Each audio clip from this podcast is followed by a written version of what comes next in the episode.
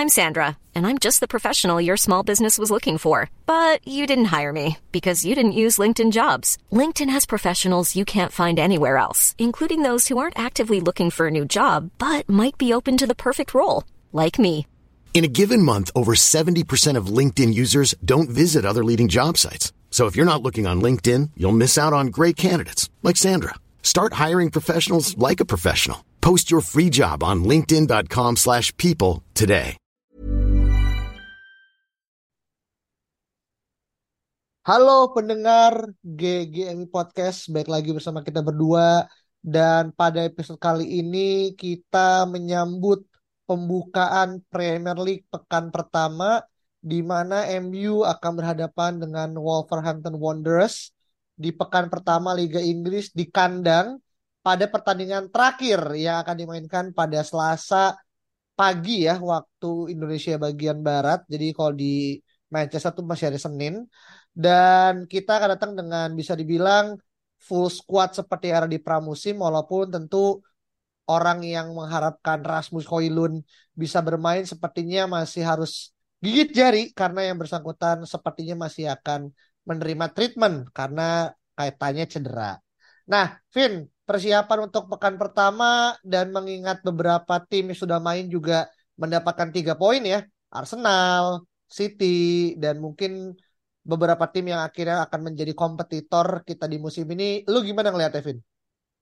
Iya, lawan Wolves di kandang pertandingan terakhir ini bagi fans Indonesia ya, terutama ini jamnya sangat gak enak ya, karena kan kita um, apa harus begadang, ngantor paginya, tapi ya ada MU gitu, jadinya mau gak mau kayak gue yang loyal ya, itu pasti gue nonton gitu.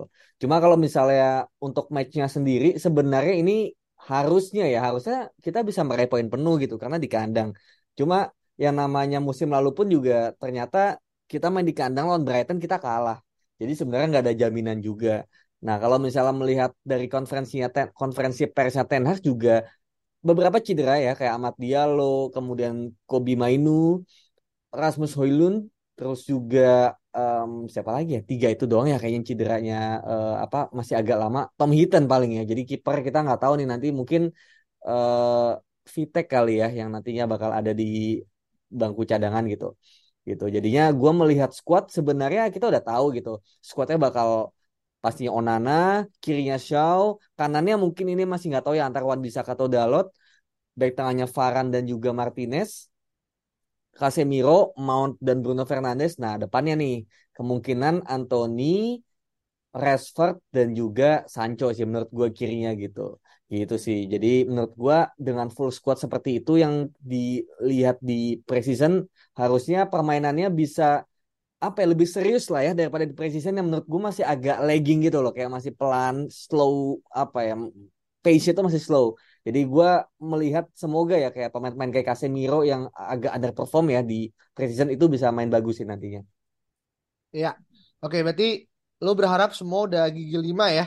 Karena Boleh. kalau teman-teman yang nonton YouTube-nya MU tadi hari Sabtu hari ini kita tag, uh, gue lihat ada full semacam kayak full video yang tentang dokumentasi ketika foto-foto dan beberapa pemain MU itu diwawancara uh, salah empatnya mungkin ada Shaw, ada Casemiro, ada Dalo sama ada Martinez. Dan mereka ngerasa mereka udah siap dan menantikan pertandingan di hari Senin ya waktu Manchester gitu kan. Yang mana berarti kekhawatiran kita kalau pemain MU masih agak lagging harusnya bisa terpatahkan gitu. Dan tentu kita akan melihat nih di depan siapa yang akan menggantikan perannya Hoylund sementara ini gitu karena so far kalau menggunakan pertandingan terakhir kan berarti trio depannya adalah Anthony di kanan, Rashford di tengah dan juga Garnacho di kiri gitu kan. Nah, kita pengen menunggu apakah itu akan terjadi atau ada perubahan as in Sancho yang mungkin akan kembali bermain sebagai false nine dan segala macam kita masih ngeliat gitu kan. Nah, tapi kalau kita ngebahas ya secara pertandingan besok, ada beberapa stats yang menarik yang mungkin bisa kita bahas gitu. Yang pertama tentu Bruno Fernandes yang akan resmi ya Vin ya memainkan sebagai ban kapten untuk MU di laga resmi ya uh, Premier League dan pertama kali dia besok menjadi kapten lawan Wolves adalah hal yang sama ketika pertama kali juga Bruno Fernandes debut lawan Wolves juga gitu. Bukan sebagai kapten, sebagai pemain MU gitu kan. Jadi ini semacam kayak coincidence yang mungkin teman-teman ngerasa adalah deja vu gitu kan. Dan semoga Fernandes bisa mengembangkan tugasnya gitu kan. Untuk terkait dengan catatan Kapten Fernandes, apa ini yang lu harapin di match pertama sebagai uh, debut dia resmi, Vin? Iya, kalau di preseason sebenarnya Bruno belum terlalu kelihatan ya sebagai kapten. Maksudnya kayak performa yang benar-benar bagus. Malah dia bagus ketika Maguire masih jadi kapten utama dan Bruno jadi kapten penggantinya gitu. Cuma ya kita lihat lah ya, kita nggak ada yang pernah tahu gimana nantinya di lapangan gitu. Um, seharusnya nggak menjadi apa ya nggak jadi alasan bahwa Bruno nantinya bisa tidak bermain bagus gitu. Harusnya tetap bermain bagus, apalagi lawannya Wolves yang baru aja ditinggal sama pelatihnya ya si Julian Lopetegui. Jadi penggantinya gue lupa siapa. Cuma ya inilah gitu. MU itu sering banget ketemu tim yang um, pelatihnya tuh langsung dipecat gitu loh. Entah dipecat atau mundur. Jadinya apa ya ruang ganti yang tadinya mungkin udah jelek ini malah jadi bagus gitu karena perubahan suasana.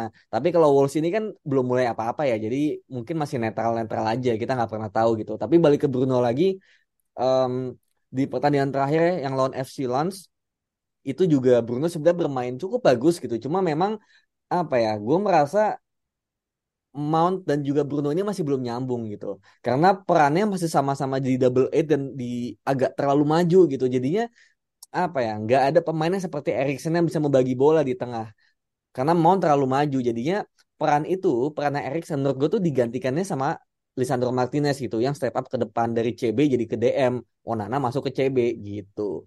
Nah ini masih belum terlihat nih karena ini juga sistem baru semuanya baru bahkan dari kiper pun baru gitu loh. Jadi gue merasa kayak gue nggak bisa expect macam-macam di sini kayak semoga main bagus semoga semuanya juga bermain dengan um, apa ya determinasi yang tinggi gitu nggak cuma Bruno aja gitu tapi Bruno ini pastinya kita berharap dia bisa mendulang poin ya entah itu gol ataupun assist karena ya secara dia kapten gitu. Hmm oke okay. berarti kita punya ekspektasi ya kepada Bruno yang tidak hanya bagus secara teknis ya di pertandingan di lapangan tapi juga harapannya juga dia bisa membawa angin segar, angin perubahan secara kepemimpinan yang itu mungkin buat beberapa orang uh, di zamannya Harry Maguire ex kapten kita yang sekarang. Mungkin sebentar lagi akan berganti jubah ya. Uh, agak sedikit ada semacam apa ya? Mungkin kekosongan kekuasaan gitu ya.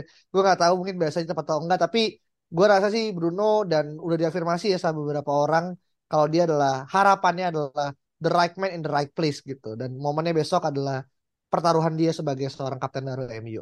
Tapi kalau tadi lo ngomong pelatihnya Wolves ganti, iya diganti sama Gary O'Neil dan gue baca juga kalau uh, Lopetegui ini walk out.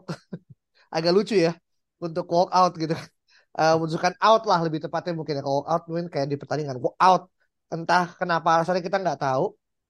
Dan satu sisi walaupun memang kita agak kesulitan ketemu sama tim yang ketika lagi buruk tiba-tiba ganti pelatih jadi bagus, gue sih agak agak cukup kurang tidak yakin ya dengan kondisi Wolves yang memang secara di preseason ataupun apa ya akhirnya ada nih belum pada level di mana kalau misalkan tim main di Liga Inggris sudah match sudah berjalan ganti pelatih bisa jadi angin segar. Tapi kalau misalkan timnya ini belum dalam kondisi yang bermain rutin ganti pelatih menurut gue jadi agak sedikit beda sih Vin. Secara vibes ya semoga itu jadi hal yang benar gitu kan. Tapi kalau lu sendiri besok as in sebagai pertandingan pembuka siapa pemain yang mungkin agak atau uh, bisa dibilang apa ya akan jadi pembeda untuk akhirnya pertandingan lawan Wolves besok, Vin? Kalau pembeda menurut gua kayaknya sih Lisandro Martinez dan Onana ya. Karena perannya ini akan sangat-sangat step up gitu. Maksudnya dari sisi posisi juga step up, tapi dari sisi peran juga akan memegang peranan penting dalam masalah build up dari belakang. Yang tadinya kiper ini nggak menjalani peran apa-apa ya ketika lagi menyerang, tapi ini sangat terlibat. Dan Lisandro Martinez yang tadinya terlibat di belakang sekarang lebih ke tengah gitu karena belakangnya diambil alih sama Onana gitu. Jadinya kita pasti ingin memegang bola lebih lama, um, ingin memegang possession juga. Jadinya dua pemain itu akan menjadi sangat penting.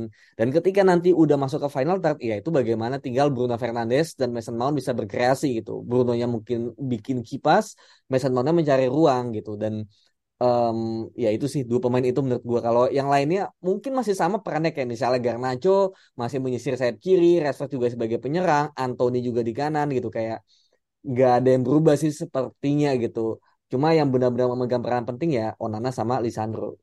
Oke, ini akan jadi debut juga ya buat Onana walaupun udah kemarin ya pas kita di preseason tapi vibes-nya beda ya kalau Liga Inggris gitu. Karena Onana pasti gue yakin juga sangat bersemangat dan juga Mason Mount kalau menurut gue sih harapannya ya dia bisa mengunci kegelisahan orang yang ngerasa pada saat di preseason dia tidak cukup klimis ya dalam menuntaskan suatu peluang gitu. Karena beberapa peluang yang ya dia depan mata atau mungkin dari chipnya bola dia yang mungkin terlalu tinggi. Yang itu buat gue sih ngerasa perlu ada pembuktian lah dengan angka yang ditebus oleh MU ya di angka 70 eh berapa 50 70 ya? Siapa? Jadi, uh, siapa namanya Mason Mount? Iya ya 60 lah 55 60 lah ya. Itu kan nah, ini kan adalah hal yang perlu untuk uh, dijadikan suatu patokan sih. Tapi ini gue bacain stats ya dari MU dan juga Wolves dalam kurun waktu mungkin lima tahun terakhir di mana dari enam pertandingan terakhir MU lawan Wolves MU itu menang lima kali. Uh, jadi kita cukup baik lah secara stats ya. Kalah cuma sekali. Terus kemudian MU selalu cetak gol minimal dua gol dalam tiga dari empat laga terakhir di Premier League berarti musim lalu. Dan yang menurut gua paling cukup membuat kita perlu berbangga sedikit adalah Wolves tuh tanpa kemenangan dalam 8 laga tandang di Premier League dengan seri dua kali kalah enam kali dan dia selalu gagal dalam cetak gol dalam tiga laga tandang terakhirnya gitu kan. Dan ditambah juga Raul Jimenez sudah nggak ada ya Vin ya? Sekarang ya Ya, udah ya. pindah kan setahu gue ke Fulham ya.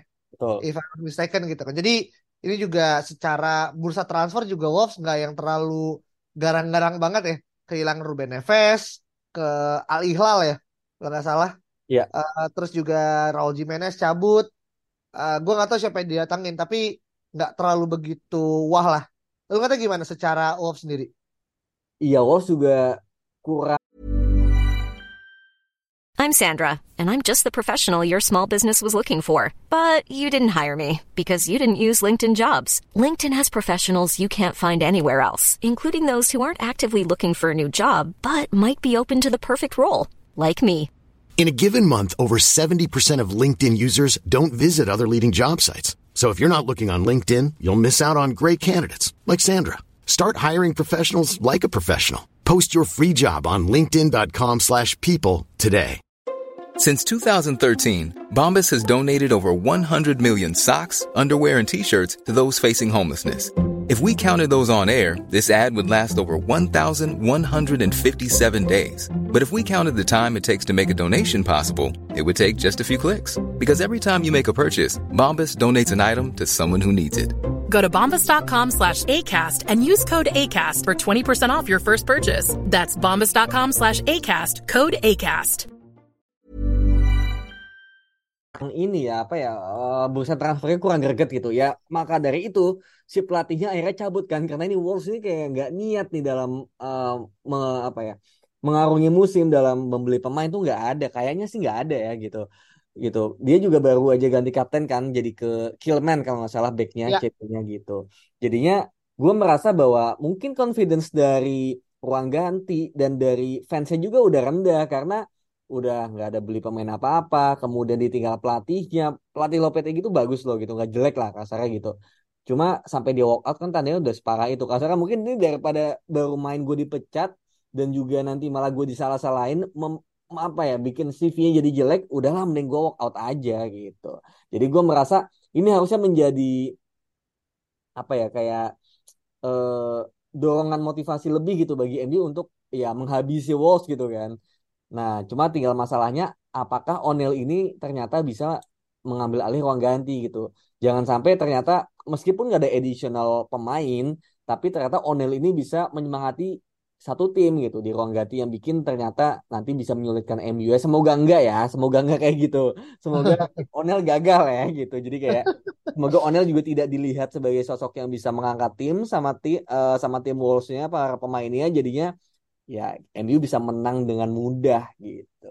Ah, I see. Ya itulah semua ya pengharapan walaupun juga jujur kayak kita berharap ada tuah negatif dari tim lawan untuk akhirnya tim sendiri kita menang. Tapi kita lihat seperti apa dan gue ngerasa ya dengan akhir Wolves yang sekarang compang-camping, semoga sisi positifnya ya ini agak sedikit menyerempet ke uh, hal yang lainnya. Tapi gue sih pengen lihat dengan akhirnya Wolves yang tidak banyak beli pemain, dia bisa mengorbitkan pemain mudanya yang masuk ke tim inti. Termasuk adalah Justin Hapner yang akhirnya pernah hampir dinaturin sama Indonesia dan dia tuh ini loh di pramusim Wolves dia masuk ke dalam squad utama gitu. Jadi hmm. kayak uh, eh, gue nggak kaget kalau misalkan tiba-tiba dia ada di bench, entah mungkin nggak besok ya, mungkin di pertandingan uh, apa gitu, Karabau atau FA Cup gitu ya, mungkin dia akan masuk sebagai pemain ganti mungkin dan itu yang kita harapkan ya, ada pemain uh, ya bisa dibilang Indonesia half half hybrid gitu yang main di Liga Inggris gitu kan. It will be very benefiting nih. Dan menurut gue sih uh, bakal yang bersambut ya karena Wolves juga nggak banyak datang pemain. Jadi ya harapannya mengorbitkan lah pemain muda. Salah satunya adalah Justin Hapner Lord Justin yang bisa akhirnya uh, menampilkan peran banyak di Wolves di musim ini sih. Itu uh, di lain topik ya. Jadi kita mendoakan Wolves buruk tapi mendoakan Hapner yang terbaik. Agak sedikit tolak belakang gitu. Okay. Nah, mungkin kalau uh, terakhir kali ya kita ngebahas masalah Wolves segala macam, uh, kita tetap ya nggak pengen ngubah kayak prediksi skor karena ujungnya takutnya jadi buah si malakama. Tapi kira-kira nih, dan kita nggak mendoakan ya hasil sama terjadi misalkan ketika kita melawan Brighton and Hove Albion di musim lalu, apakah akan terjadi bisa dibilang ya uh, transfer kaget Vin dari hasil pertandingan. Karena sebelum musim ditutup ya eh sorry bursa transfer tutup kan kita masih punya kalau nggak dua sampai tiga laga nggak sih? Dua lah ya. Ya ya dua laga lah ya gitu kan. Karena kan bursa transfer tutup akwal eh akhir Agustus gitu. Dan sedangkan kita udah masuk minggu kedua ketiga lah gitu. Nah lu ngelihat dua pertandingan ke depan yang termasuk Wolves akan bisa menjadi prediktor nggak kalau kita akan mendatangkan pemain baru selain daripada nama-nama yang udah banyak kita sebut segala macam gitu? Um, sebenarnya menurut gue ya kalau musim lalu itu kan uh, surprise signingnya gara-gara emang MU tuh lacking di pemain-pemain intinya gitu. Sedangkan kalau sekarang gue merasa inti-intinya tuh udah udah masuk semua gitu, termasuk penyerang si Hoylun ini. Nah, jadi gue merasa bahwa kalau surprise signing sebenarnya nggak akan ada kayak panic signing tuh nggak ada. Cuma lebih kepada sekarang fokusnya kan lebih kepada menjual dulu kan. Apa ya, tambal sulam ya kasarnya gitu. Kalau misalnya si let's say Maguire cabut, kemudian nanti pengganti CB bakal datang. Nanti kalau misalnya si Doni cabut, kan Fred udah cabut nih ya. Doni cabut nanti bakal datang satu gelandang baru gitu. Jadi tinggal di dua pemain itu aja sih sebenarnya kuncinya gitu. Jadi kita udah nggak ada sebuah posisi di mana posisi itu tuh bolong gitu, benar-benar kosong. Itu sekarang nggak ada. Paling penyerang kali ya gitu. Kayak sebenarnya kalau bisa nambah satu lagi penyerang tuh bagus. Cuma gue tidak merasa kayaknya kita bakal ngambil gitu. Karena kan Martial katanya udah mulai latihan. Rashford bisa jadi penyerang. Sancho pun juga udah mulai diplot sebagai false nine di sana. Jadi gue nggak merasa bahwa tiba-tiba mendatangkan striker tuh siapa gitu. Itu sih. Jadi kalau gelandang lebih kepada menunggu, back juga menunggu, back kanan pun udah ada dua gitu. Jadi kalau surprise sih sayangnya menurut gue nggak ada gitu. Bener-bener nggak akan reaktif kayak musim lalu karena different situation. Oke, berarti emang nggak bisa di apple to apple ya dengan hmm. musim lalu gitu kan. Apakah mungkin kecuali even kayak sampai hal yang sangat-sangat urgent matter bisa kita kalah gitu dan kalahnya entah ajaib gitu atau segala macam enggak juga berarti lu merasa Iya, tergantung kalahnya kayak gimana dulu sih gitu. Kalau lawan Brentford itu kan benar-benar kita apa ya, hmm. gagal gagal apa ya, melindungi Erikson kan gitu. Karena Erikson ya. terlalu mundur tapi nggak ada nggak ada penggantinya dan Fred yang tadinya mau jadi DM ternyata gagal gitu. Jadi makanya akhirnya butuh seorang DM yang mana itu di, diincar sepanjang musim itu diincar Frankie De Jong akhirnya nggak dapat terus bingung nih siapa gitu. Tapi kalau sekarang udah ada Casemiro, Erikson bahkan udah ada Mason Mount, menurut gue sih nggak akan kayak gitu situasinya. Jadi lebih kepada mungkin bener-bener mempercepat proses offloadingnya aja dulu. Let's say si Maguire sama uh, siapa Donny van de Beek gitu.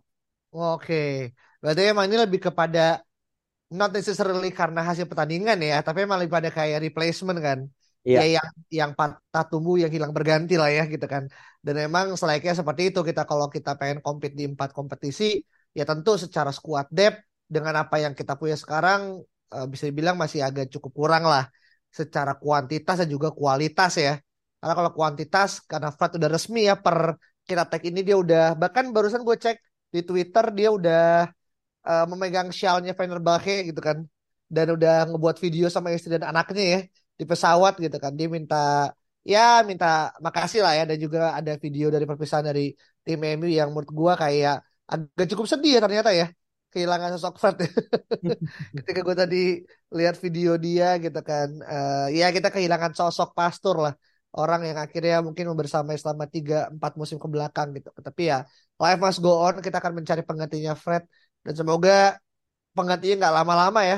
Karena kalau kelamaan juga takutnya malah nanti uh, kita yang ter apa ya terbirit-birit gitu kan sedangkan musim juga udah mulai jalan dan kita nggak mungkin startnya ke sama lah kayak musim lalu yang lelet panas dan semoga Wolves adalah yang pertama kali kita mendapatkan tiga poin uh, di kandang dan juga akhirnya melawan tim yang sedang tidak sedang dalam kondisi terbaik. Kira-kira kayak gitu. Oke, okay. menurut lu, menurut lu kira-kira kita bakal clean sheet apa enggak nih? Karena kan Onana ini selalu kebobolan ya di oh. dua match gitu.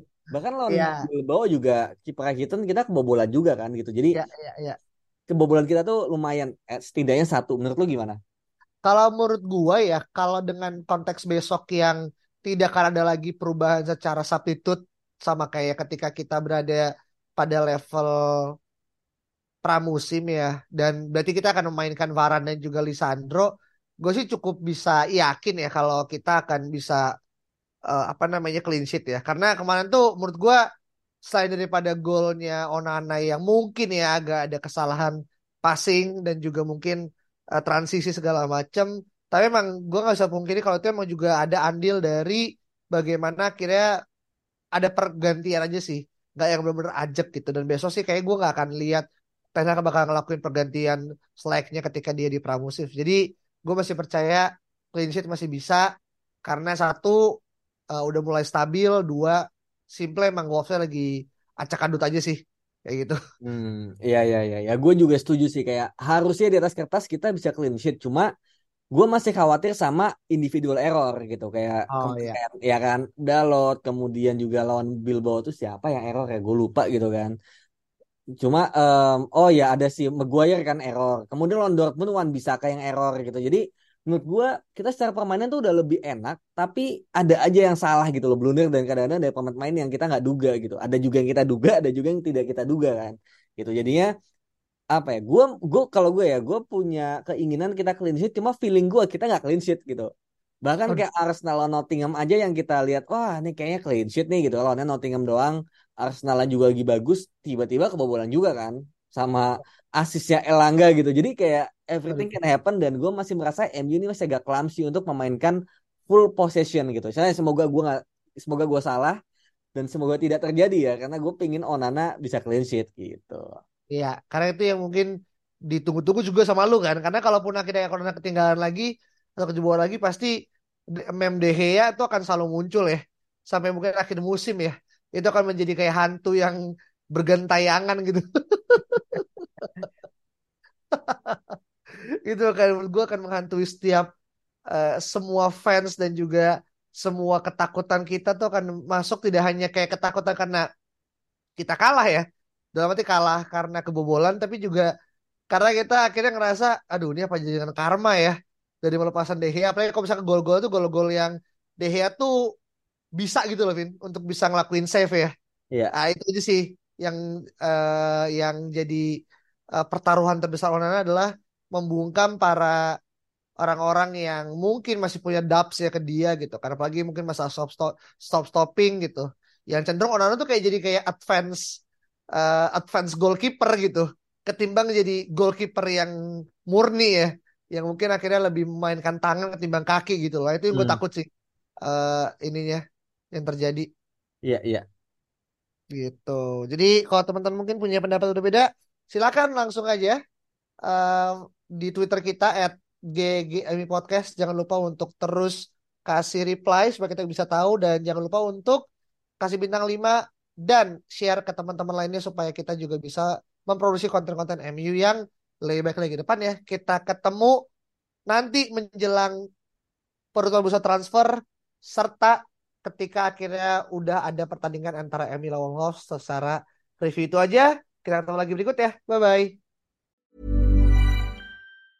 Mom deserves the best, and there's no better place to shop for Mother's Day than Whole Foods Market. They're your destination for unbeatable savings, from premium gifts to show-stopping flowers and irresistible desserts. Start by saving 33% with Prime on all body care and candles. Then get a 15-stem bunch of tulips for just $9.99 each with Prime. Round out Mom's menu with festive rosé, irresistible berry chantilly cake, and more special treats. Come celebrate Mother's Day at Whole Foods Market.